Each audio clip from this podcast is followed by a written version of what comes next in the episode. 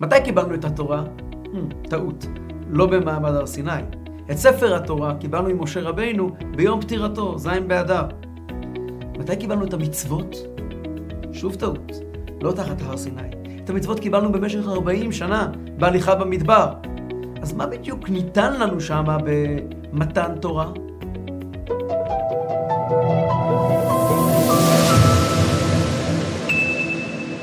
שלום לכם, והנה אנחנו ברוך השם נמצאים בפרשת יתרו, הפרשה השמחה, הפרשה שבה סוף סוף מקבלים את התורה. כל התהליך מאז בריאת העולם ועד פרשת יתרו זה רק הקדמה. אנחנו אומרים בכל שבת את מזמור הודו להשם כי טוב כי לעולם חסדו, 26 פסוקים של כי לעולם חסדו, ואומרים חז"ל שזה כנגד 26 דורות שהיו מאז בריאת העולם ועד מתן תורה, שהיה העולם ניזון בחסדו של הקדוש ברוך הוא. זה היה רק חסד השם, העולם לא היה ראוי. 26 דורות זה עשרה דורות מאדם ועד נוח, עוד עשרה דורות מנוח ועד אברהם, ועוד שישה דורות מאברהם ועד דורו של משה, משה הוא הדור השביעי לאברהם, שאז סוף סוף קיבלו את התורה. חז"ל אומרים על הפסוק ויהי ערב ויהי בוקר יום השישי, מה זה השישי? ויחולו השמיים והארץ, השישי, רש"י מביא את זה למקום, השישי בסיוון. העולם מסתיים להיבנות בשישי בסיוון. אנחנו כבר הולכים מהלך ארוך ביחד. התחלנו את השיעורים האלה בפרשת בראשית, למדנו אז על חטא הדת, לימדנו על כל התהליך שהעולם עובר, שלב אחרי שלב אחרי שלב אחרי שלב, כדי להגיע לשיא, למתן תורה, למעמד הר סיני. והנה זה קורה בשבוע שלנו. אין שבוע שמח, באמת, מאשר מעמד הר סיני, מתן תורה. אבל כשרוצים להעמיק, ובשביל זה התיישבנו כאן, כדי להעמיק, כדי לחשוף את המאחורי הקלעים, מה באמת קרה במעמד הר סיני? את ספר התורה לא קיבלו במעמד הר סיני. במעמד הר סיני שמעו את עשרת הדברים. גם את הלוחות לא קיבלו. את הלוחות היו אמורים לקבל 40 יום אחרי, ב-17 בתמוז, ואז נשברו הלוחות, לפועל קיבלו אותם ביום הכיפורים. את התורה, מה קיבלו? ידע? את הידע כנראה היה להם קודם, כבר נדבר על זה. אבל את ספר התורה, יש שתי דעות בגמרא, מתי קיבלו אותם? הגמרא במסכת גיטין אומרת כך: אמר רבי יוחנן משום רבי בנאה, תורה מגילה מגילה ניתנה. שנאמר, אז אמרתי, הנה באתי במגילת ספר כתוב עליי. מסביר רש"י, מה זה מגילה מגילה ניתנה? כשנאמרה פרשה למשה היה כותבה. ולסוף 40 שנה, כשנגמרו כל הפרשיות, חיברן בגידין ותפרן. משה רבינו קיבל הרי ויקרא אל משה וידבר אליו באוהל מועד, ויקרא אל משה לפני כל דיבור ודיבור. משה רבינו היה הולך לאוהל מועד ומקבל פרשה חדשה, מקבל מצווה חדשה, והיה כותב אותם. גם בהר סיני הוא קיבל את כל המצוות, כשהוא היה בהר למעלה 40 יום, כי אנחנו יודעים שהוא קיבל אותם פעמיים, גם בהר סיני וגם פה למטה באוהל מועד, ומיד היה כותב את הפרשיות האלה. כנראה הסופרים היו מעתיקים את הפרשיות האלה, ובסופם של 40 שנה, כאשר הסתיימה הפרשה האחרונה, כתבו את הפרשה האחרונה וכרכו את הכל בספר תורה אחד. זו דעה אחת, דעת רבי יוחנן. דעה שנייה, דעת, דעת, דעת ריש לקיש, הבר פלוגתא הקבוע של רבי יוחנן שאומר, רבי שמעון בן לקיש אומר, תורה חתומה ניתנה. מה זה תורה חתומה ניתנה? אומר רש"י, לא נכתבה עד סוף ארבעים, לאחר שנאמרו כל הפרשיות כולן, והנאמרות לו בשנה ראשונה ושנייה של המדבר, היו סדורות לו על פה עד שכתבן. עד יום שביעי באדר, יום פטירת משה רבינו, הייתה כל התורה כולה תורה שבעל פה. וכך מתארת לנו, מתאר לנו המדרש את המאורעות הגדולים ביום פטירת משה. כיוון שידע משה שהיה לו למות באותו היום מאה עשה, אמר רבי ינאי, כתב שלוש עשרה תורות, שנים עשר לשנים עשר שבטים, ואחת הניח בארון, שהיא מבקש לזייף דבר שיהיו מוצאים אותה שבארון. בכל מקום, ספר התורה, התורה, מה שאנחנו קוראים בינינו, התורה שבכתב, ניתנה לנו ב- ב- ביום פטירת משה רבינו. התורה שבעל פה גם לא ניתנה בהר סיני. תורה שבעל פה תמיד הייתה. וכך אומרת הגמרא ביומא. אמר רבי חמא ברבי חנינא, מימיהם של אבותינו לא פרשה ישיבה מהם. היו במצרים, ישיבה עמהם, שנאמר, לך ואספת את זקני ישראל, זקני ישראל פירושו חכמי ישראל, מה הם היו חכמים במה? בתורה. אברהם אבינו, זקן, כלומר חכם, ויושב בישיבה היה, שנאמר, ואברהם זקן בא בימים. יצחק אבינו, זקן, ויושב בישיבה היה, שנאמר, ויהי כי זקן יצחק. יעקב אבינו, זקן ויושב בישיבה היה, שנאמר, ועיני ישראל כבדו מזוקן. זה פירוש מעניין של הגמרא, לא מזקנה, מחוכמה. הוא ישב כל החיים שלו מול הספר ולמד ולמד ולמד ולמד עד שהעיניים שלו קהו. אתם יודעים למה לכל בני הישיבות יש משקפיים. אליעזר עבד אברהם, זקן ויושב בישיבה היה, שנאמר ויאמר אברהם אל עבדו זקן ביתו, המושל בכל אשר לו. אמר רבי אבא שמושל בתורת רבו. וגם עליו נאמר, הוא דמשק אליעזר. אמר רבי אלעזר, שדולה ומשקה מתורתו של רבו לאחרים. שוב ושוב אנחנו רואים את התורה לאורך כל הזמן הזה. והתלמוד ממשיך ואומר, אמר רב, קיים אברהם אבינו כל התורה כולה, שנאמר, עקב אשר שמע אברהם בקולי, וישמור משמרתי, מצוותיי, חוקותיי ותורותיי. הגמרא ממשיכה, אמר רב, ויתם הרב אשי, קיים אברהם אבינו את כל התורה כולה, אפילו עירובי תבשילין, שנאמר תורותיי, אחת תורה שבכתב ואחת תורה שבעל פה. אז מה בדיוק, מה בדיוק התחולל שם במתן תורה? אנחנו באמת צריכים לחשוף את המאחורי הקלעים, וכדי להגיע לשם, נפתח את הפסוק הראשון של עשרת הדיברות. אנוכי השם אלוקיך, אשר הוצאתיך מארץ מצרים. ושאלו כל הפרשנים, כל הפרשנים, כל אחד מכיוונו, מה כתוב בכרטיס ביקור של הקדוש ברוך הוא, אשר הוצאתיך מארץ מצרים? הוא עשה כמה דברים יותר גדולים מזה. אשר בראתי שמיים וארץ. למי שברא שמיים וארץ, זה סיפור קטן להוציא אנשים ממצרים. למה הקדוש ברוך הוא מזהה את עצמו כאשר הוצאתיך מארץ מצרים? ויש בזה תשובות רבות מאוד. אחד ההסברים, אנוכי השם אלוקיך אשר הוצאתיך מארץ מצרים, זו המהות של מתן תורה. זה בעצם מה שקרה כאן. יש מסופר שכאשר בעל התניא חזר מהמגיד במזריץ', אז הוא אמר, במזריץ' למדתי לכבד בן תורה. מה זה בן תורה? כלומר, יש למדנים ויש בני תורה, זה לא אותו דבר. למדנים זה אנשים שיודעים ללמוד, לומדים. בני תורה זה אנשים שהתורה משפיעה עליהם. ואז אמר בעל התניא, במעמד הר סיני היו שני אנשים שהגיעו למעמד הר סיני, שני סוגי יהודים. היו יהודים תלמידי חכמים, הרי בעולם לא פרשה ישיבה מאבותינו, ידעו ללמוד. חיכו לשמוע פלפול טוב מהראש ישיבה הכי גדול בעולם, מהקדוש ברוך הוא. מעמד הר סיני, מי שיודע בישיבות יש מושג שנקרא שיעור כללי, שהראש ישיבה המכובד ביותר בא לתת שיעור טוב, ככה פלפול אמיתי עם, ה... עם הברן, עם ההתלהבות, עם הידיים. עכשיו הראש ישיבה הכי גדול הולך לתת שיעור, הקדוש ברוך הוא. אומר, הם הגיעו לשיעור ויצאו מאוכזבים, מה הם שמעו שם? לא תרצח, לא תגנוב. הבני תורה, היהודים שבאו ורצו ללמוד משהו מהתורה, לחוות חוויית גילוי אלוקות, הם יצאו מרוצים. הרעיון של מתן תורה נמצא במילים, אנוכי השם אלוקיך, אשר הוצאתיך מארץ מצרים. יש מצרים, ומהמצרים הזה יש לנו משימה, לצאת, וזה קורה על ידי אנוכי השם אלוקיך. והסיפור הזה, כמו כל הסיפורים שלנו, מתחילים אצל אברהם אבינו. בואו נחזור חזרה לאברהם אבינו ולסיפור שלו. אגב, אלו דברים שדיברנו עליהם בקיצור, גם בפרשת וירא. בפרשת וירא, כאשר הקדוש ברוך הוא אומר לאברהם אבינו, אברהם אבינו, אז אברהם, לך לך מארצך ומולדתך ומבית אביך, נאמר, וירא אדוני אל אברהם ויאמר לזרעך אתן את הארץ הזאת. ויבן שם מזבח לאדוני הנראה אליו. אברהם אבינו בנה מזבח. למי הוא בנה מזבח? להשם, אבל לא סתם להשם. להשם הנראה אליו. מוסבר בחסידות, מסביר בעל התניא, אברהם אבינו יכול היה להכיר רק את הקדוש ברוך הוא שהתגלה אליו. איזשהו קשר מיוחד שהיה לו עם הקדוש ברוך הוא, מה שהוא הצליח להבין, ויבן מלשון בניין, מלשון בינה. הוא הצליח להבין ולהגיע לאיזשהו הישג, לאיזשהו עומק שאחרים לא הגיעו. הוא חשף איזשהו רובד עמוק יותר במציאות, הוא בנה מזבח, הוא זבח את עצמו, הוא נתן את עצמו להשם הנראה אליו.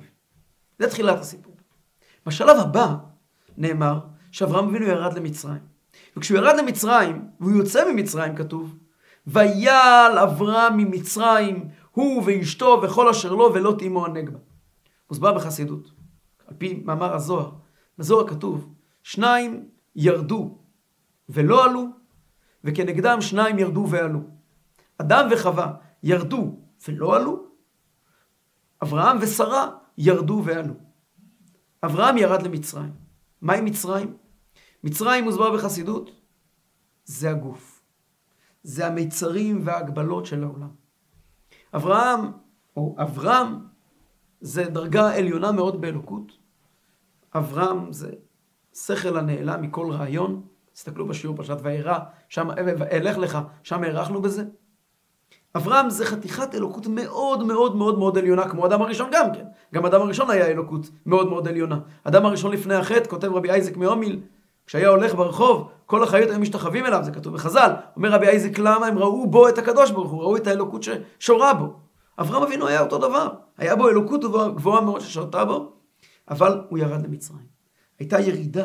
הנשמה האדירה שלו ירדה בתוך גוף שהתלבש כאן בעולם הזה, והוא יורד למצרים, ממש לתוך המיצרים וההגבלות של העולם, אבל הוא יוצא ממצרים.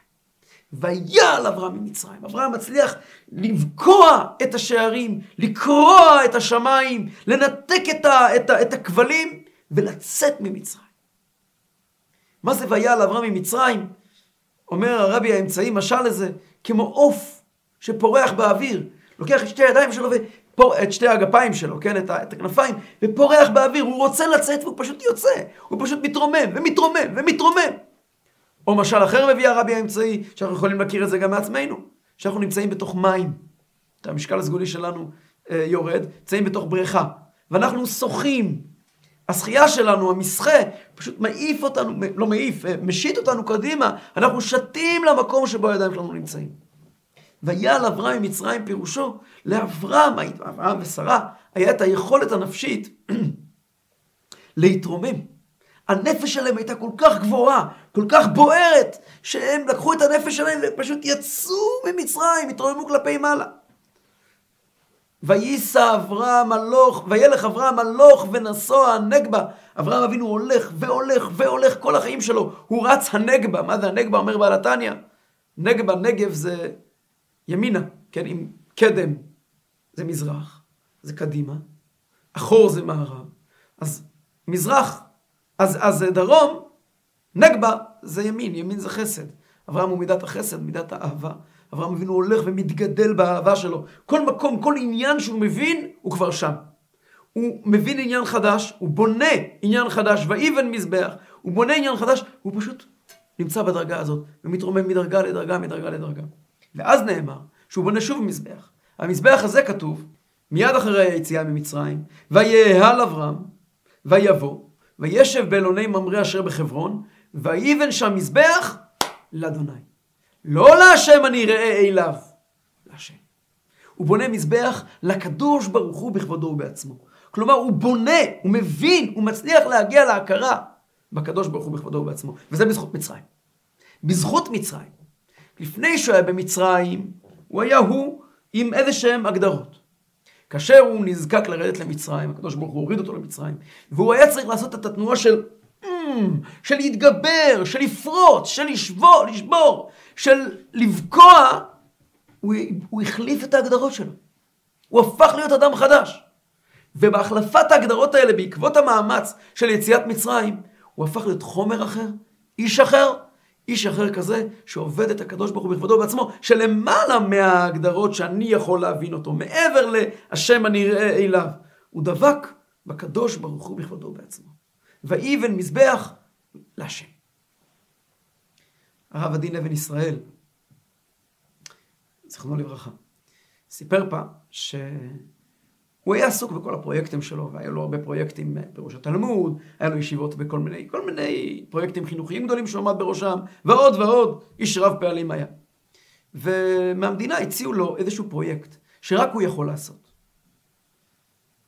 והוא הבין שזה חייב להיות החשבון אחד הפרויקטים האחרים שלו. הוא לא ידע מה לעשות, איך לכתוב לרבי. הוא כתב לרבי מכתב, הוא שאל את הרבי, מה דין קדימה? מה, על מה אני מוותר? הרבי אמר לו, אל תוותר על כלום.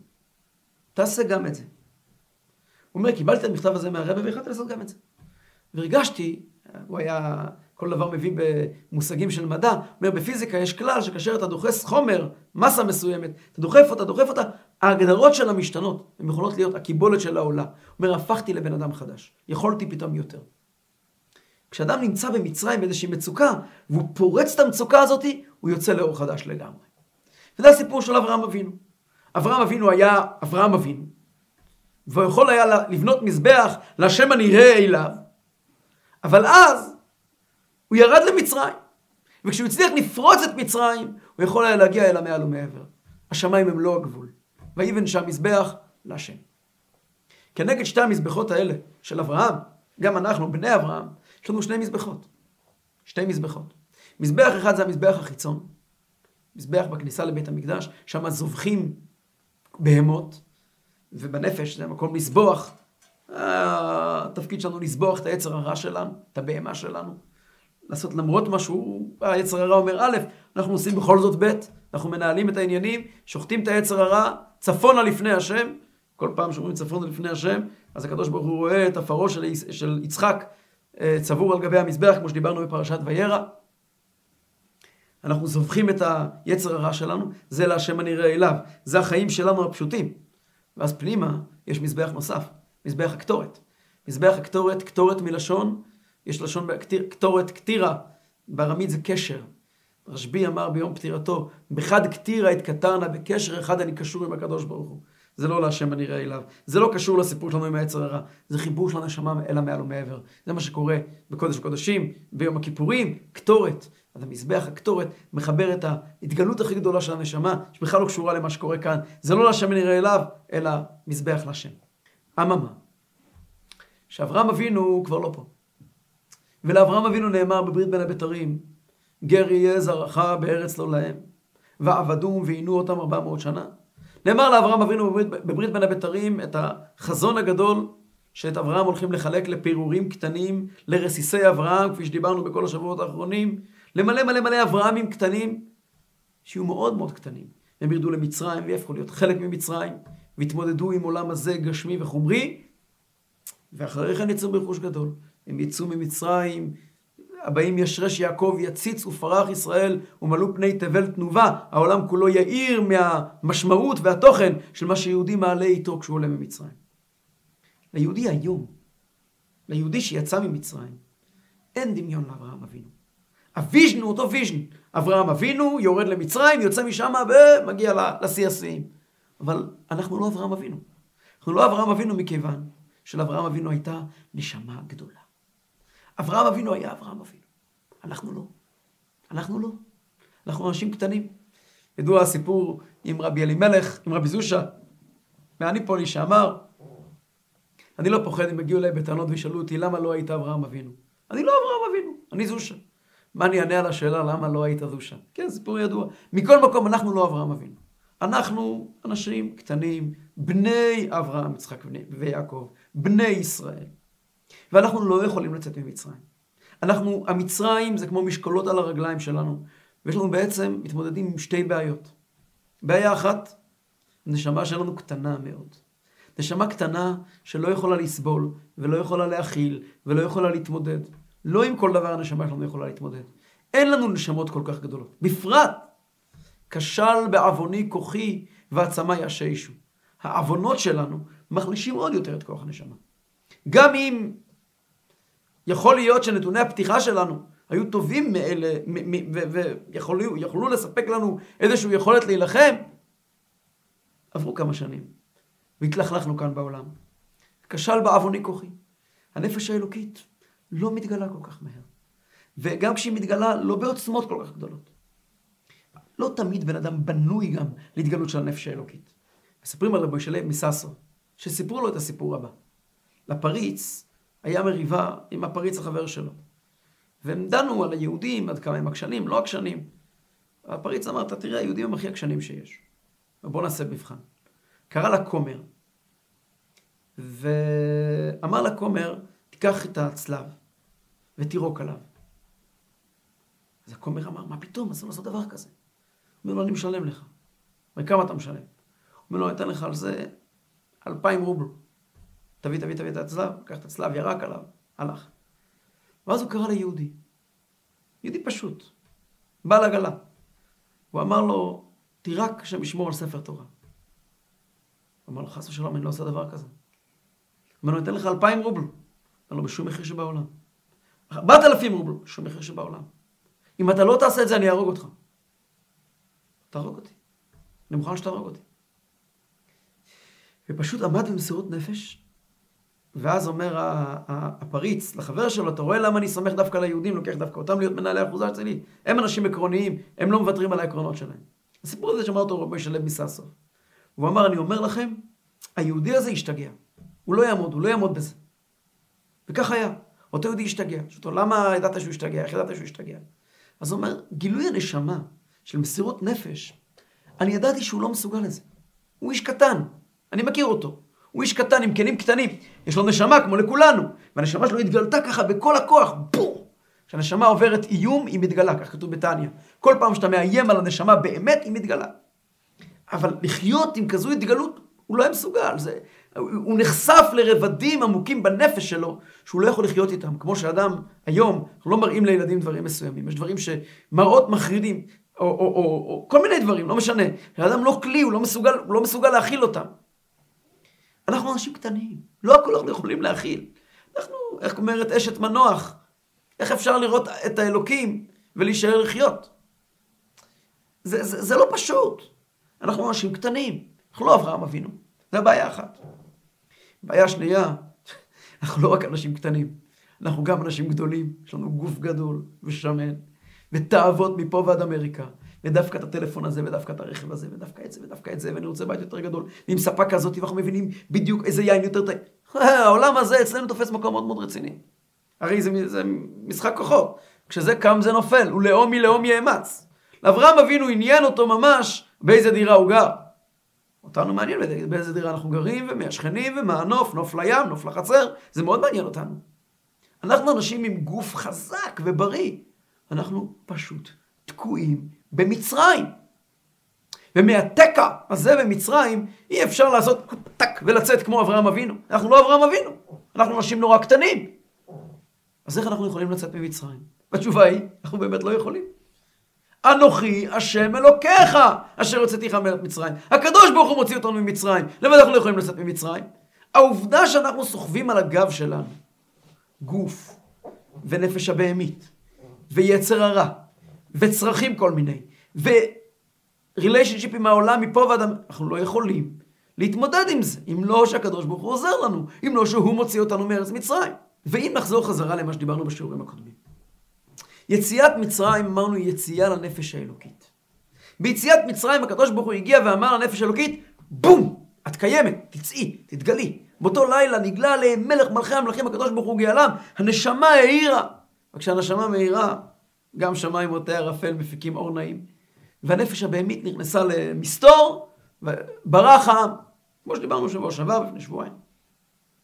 אבל הנה, הסתיים יציאת מצרים, וחזרה הנפש הבהמית, וחזרו ההתמודדויות, וחזרו הניסיונות, ואיך יוצאים ממצרים.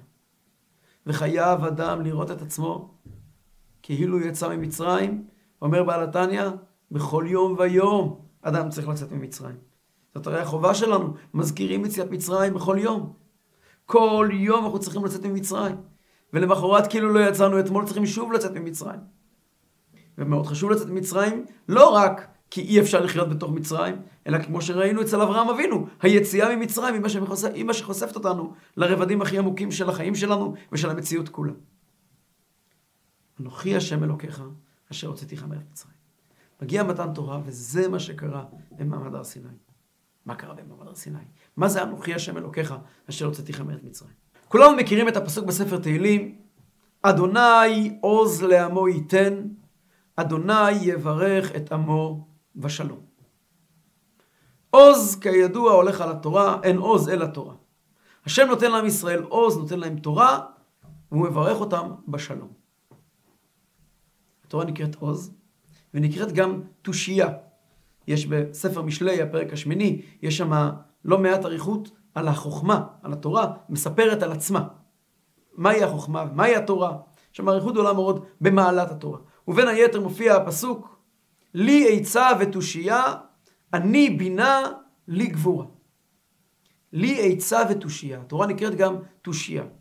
ולמה היא נקראת תושייה? אומרת הגמרא במסכת סנהדרין, אמר רב חנן, למה נקרא שמה תושייה?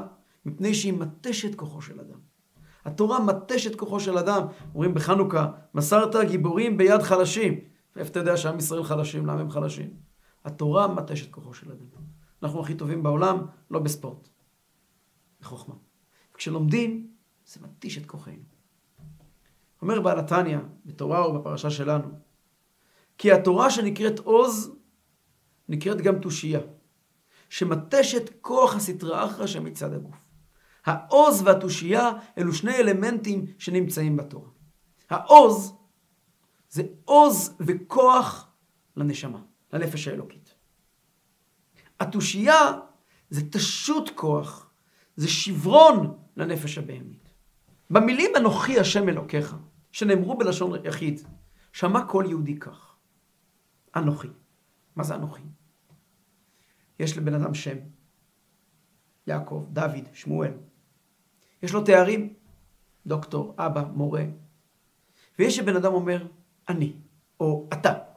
המילים אני ואתה הן מילים מאוד מאוד מאוד אה, חושפות. הן מדברות עליי בעצמי. הש, השם שלי, שמואל, זה, זה השם שלי, זה לא אני. אני זה, זה אני, אני. על המילה אנוכי, אומרת, אומר הזוהר, אנוכי דלא אתרמה אז לה בשום אות, ולה בשום קוץ, ולה בשום תג. המילה אנוכי היא לא שם קדוש, והיא לא, היא לא, היא לא רמוזה. זה למעלה מכל השמות. הקדוש ברוך אומר על עצמו, אני. פשוט אני. אנוכי. אנוכי, השם, אלוקיך. אני הכוח שלך. אלוקים הרי זה כוח. אני הכוח שלך.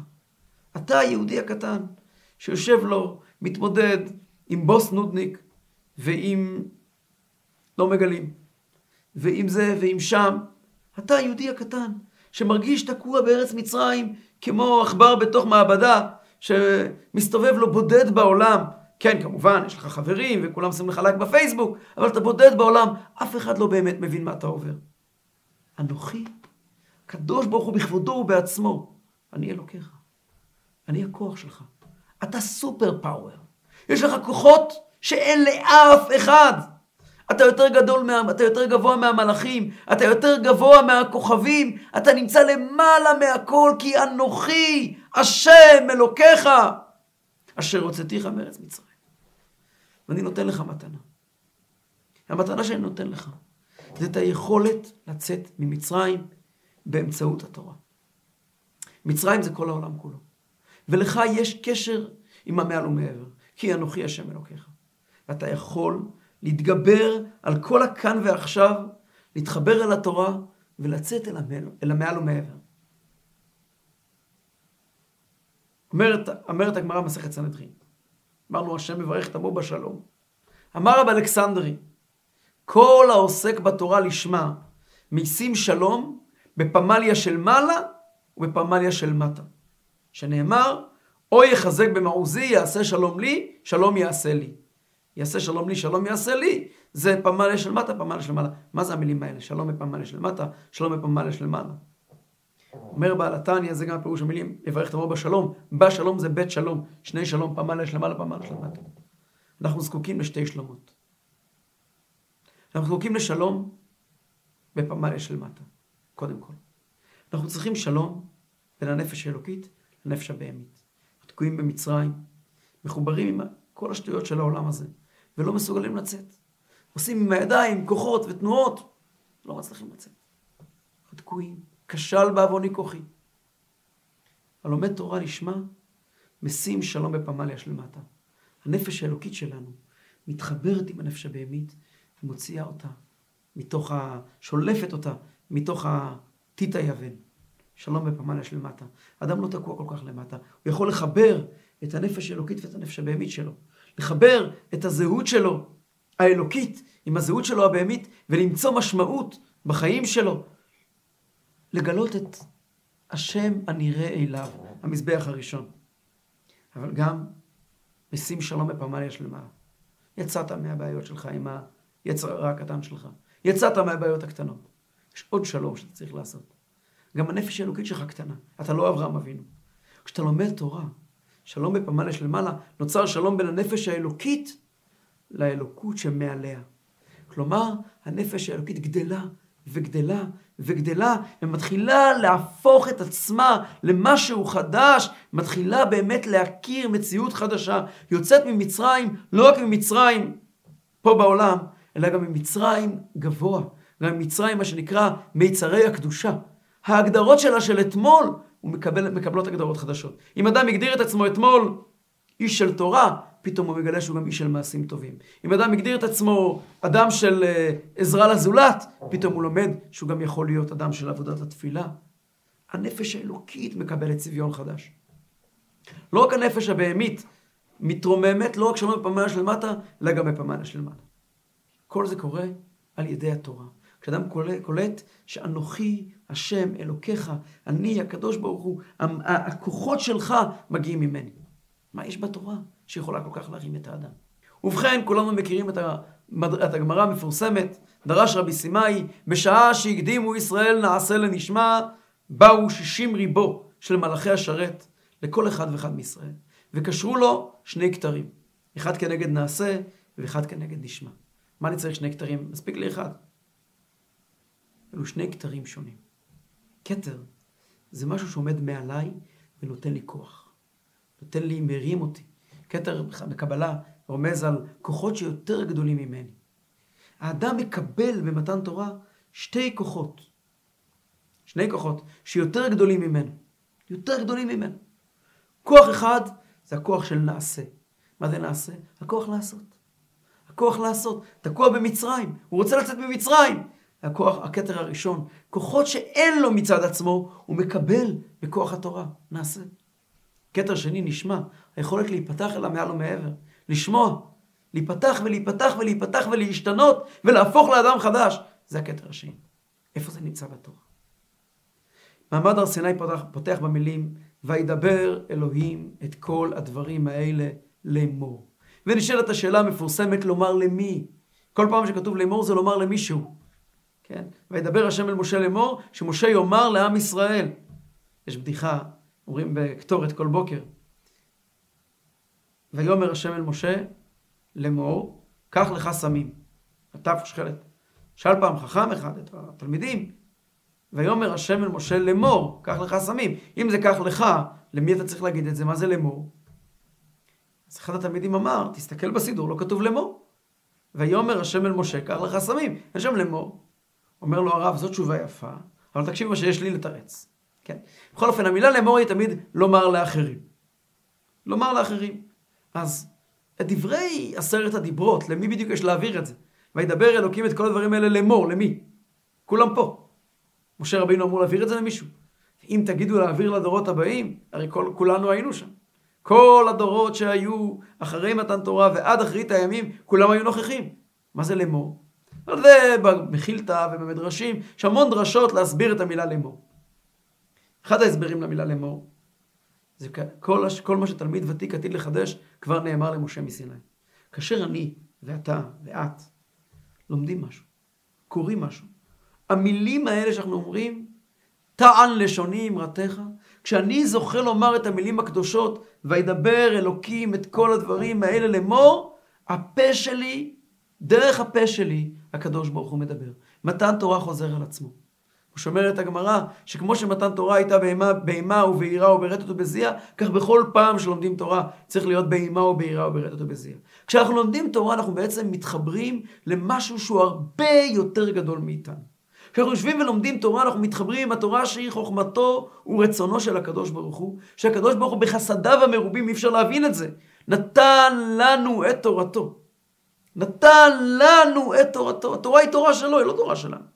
הוא נתן לנו את זה. כאשר אני יושב ואני פותח ספר תורה ואני קורא פסוק, אני בכלל לא יודע מה אני עושה. זה כמו שאני לוחץ על כפתורים ואני מזיז, אני לא יודע איזה מערכות. אתה... אין לנו שום מושג למה המשמעות של המילים שאנחנו מוצאים מהפה שלנו. הקדוש ברוך הוא ברא את העולם בעשרה מאמרות. עשרת הדיברות הם למעלה מעשרה מאמרות. לנו הוא מסר את עשרת הדיברות. את המפתח הכי גדול שיש. אין דבר יותר גדול מאשר מילות התורה. ולא רק התורה שבכתב, גם התורה שבעל פה. כשאנחנו קוראים את המילים הקדושים של הגמרא, אנחנו יודעים שקשור כל מילה ומילה שכתובה בגמרא, במילים האלה הקדוש ברוך הוא אמר למשה רבינו בהר סיני. שכתוב בגמרא, אביי אמר, אמר אביי, הקדוש ברוך הוא אמר בהר סיני, אמר אביי. אמר רבא, הקדוש ברוך הוא בהר סיני אמר, אמר רבא. כל מילה ומילה של תורה, של רש"י, של תוספות, של נקוטי שיחות, של נקוטי תורה, כל מילה ומילה של תורה, שאנחנו זוכים לומר את זה בפה שלנו, ודבריי אשר שמתי בפיך, דבריי אשר שמתי בפיך. זה לא אתה אומר את הדברים האלה. בעזרת השם לא ימושו מפיך ומפי זרעך ומפי זרע זרעך, אמר השם, מעתה ועד עולם. אבל זה דבריי אשר שמתי בפיך. זה דיבורים של הקדוש ברוך הוא. אנחנו אומרים, מוציאים מהפה שלנו דיבורים שיותר גדולים מאיתנו, שאין לנו שום קשר אליהם בעצם. כאשר אנחנו אומרים את הדיבורים האלה, וידבר אלוקים את כל הדברים האלה לאמור, הם חוזרים ונאמרים. אנחנו מכניסים עוצמות בנפש האלוקית. כי הנפש האלוקית בהגדרות שלה היא דבר, היא נברא כמו כל הנבראים. היא אמנם נברא שהוא אלוקי, אבל היא נבראת. הנפש האלוקית שלי היא לא כמו הנפש האלוקית של, שלו ושלך ושל, ושלך. כל אחד יש נפש אלוקית משלו. אבל התורה היא הקדוש ברוך הוא. על המילה הראשונה אנוכי אומרת הגמרא, ענה נפשי כתביתי אבית. אני בעצמי כתבתי ונתתי, אומר רבנו, מורנו המגיד ממזריץ', לא אני בעצמי כתבתי ונתתי, אלא אני את עצמי כתבתי ונתתי. הקדוש ברוך הוא נתן את עצמו בתורה. הקדוש ברוך הוא נמצא בתוך המילים הקדושות האלה. כשאנחנו אומרים את המילים הקדושות של התורה, הנפש האלוקית הופכת להיות משהו אחר לגמרי. כיוון שהיא נחשפת לדברים שאין בה מצד עצמה. כתוב בתניא, שכשהנשמה ירדה למטה והיא רוצה להגיע לקדוש ברוך הוא, על ידי תורה היא מגיעה לקדוש ברוך הוא במקומות הכי גבוהים. שהרי שלושה קשרים מתקשרים זה בזה, נאמר בזוהר. ישראל בתורה והתורה בקדוש ברוך הוא. אבל התורה לא רק פותחת אופקים חדשים לנפש האלוקית. התורה גם התלבשה בדברים תחתונים גשמיים. לומדים תורה, אנחנו לומדים הלכות מזוזה, הלכות שבת, הלכות טוען ונטען, הלכות שניים אוחזים בטלית. מדברים על דברים שאנחנו מכירים. הרי התורה בשורשה היא אלוקות מוחלטת. אנחנו פה מדברים על דברים שאנחנו מכירים מהיום-יום, דברים שאנחנו מבינים אותם, דברים שאנחנו מושגים לנו לגמרי. ובתוכם מושתל, מושתלת התורה האלוקית. אז הדברים האלה מתחברים עם המציאות שלנו פה. אנחנו לא רק אומרים את זה, אנחנו גם מבינים את זה. וההבנה הזאת שאנחנו מבינים, היא דבר שתופס לנו את הראש, משנה אותנו, לא רק ברמה של פתיחה של נפש אלוקית, אלא גם זה עושה שמות בנפש הבהמית. אומרת הגמרא בקידושין, מפורסמת, תנא דבי רבי ישמעאל, בני, אם פגע בך מנוול זה, יצר הרע, מושכהו לבית המדרש. אם אבן הוא, נימוח. אם ברזל הוא, מתפוצץ. שנאמר, הלוקות דבריי נאום השם. הלוקות דבריי כאש נאום השם. וכפטיש יפוצץ סלע. אם אבן הוא, נימוח. שנאמר, אוי כל צמא לכו למים, ואומר, אבנים שחקו מים. התורה, יש לה כוח לשנות את ה... לעדן את היצרים שלנו. לשנות אותם. כמובן בלומד תורה לשמה. מי שלומד תורה לשמה, מי שלומד תורה כדי להיות יותר חכם או כדי להפגין ידיעות, לא על זה מדברים, כי הוא לא מתחבר עם התורה של הקדוש ברוך הוא, הוא מתחבר עם התורה שלו. בתוך זה יש את התורה של הקדוש ברוך הוא, ובסופו של דבר, גם כן הוא יצליח, מתוך שלא לשמה, בא לשמה, בעומק הוא גם יגיע אחר כך לאמת. אבל מי שלומד תורה לשמה, מי שמתיישב, חוזר מהעבודה, שעה שבע בערב, משכיב את הילדים לישון, הוא גמור מעייפות, ופותח, יושב על השולחן, פותח ספר ללמוד כמה שורות, וצונח על הספר. אבל הוא פותח ספר במסירות נפש, זה תורה לשמה, הוא לא ירוויח מזה כלום. הוא עושה את זה כי זה מה שצריך לעשות. תשב, פותח ספר, הוא הולך לשיעור תורה. אחרי כל היום העמוס, יוצא מהבית, הולך לשיעור תורה. התורה לשמה, אתה עושה את זה עם הקדוש ברוך הוא, הקדוש ברוך הוא נמצא בתוך התורה. אתה ניגש לתורה, אתה מבין את התורה, זה נוגע לך ברבדים הכי פשוטים של הנשמה שלך, ופותח את הנשמה אל המעל ומעבר. למעשה התורה פועלת שתי פעולות בבת אחת. גם אנוכי וגם לא יהיה לך. היא גם מחברת את הנשמה אל המעל ומעבר, מוציאה אותך ממצרים במובן הכי גבוה והכי נעלה, ויבן שם מזבח, וגם מחנכת את הנפש הבהמית. ויבן מזבח להשם הנראה אליו, בדרגה הכי נמוכה, זה לא יהיה לך. כדברי הגמרא, אנוכי ולא יהיה לך בדיבור אחד נאמרו. זה הכוח האדיר של תורה, שיכולה לעשות את שתי הפעולות האלה בבת אחת. גם לטפל בדברים הכי נמוכים שלנו, וגם לחשוף אותנו לרבדים הכי גבוהים שקיימים. זאת המתנה גדולה שקיבלנו במתן תורה. הידע של התורה, המילים של התורה, ידעו אותם לפני כן. הספרים של התורה התקבלו אחרי זה. במתן תורה קיבלה כל נשמה את מתנת התורה, את היכולת להתחבר עם התורה ולהפוך להיות עם התורה דבר אחד. וזה לא דבר שנמסר דווקא ללמדנים, אולי דווקא לבני תורה. בני תורה, כמו שאמר בעל התניא, אנשים פשוטים, אנשים רגילים. שלוקחים שיעור תורה, והתורה נוגעת בהם. הם לומדים אותה, הם מבינים אותה, הם מייקרים אותה, הם מנשקים אותה ויוצאים ממצרים.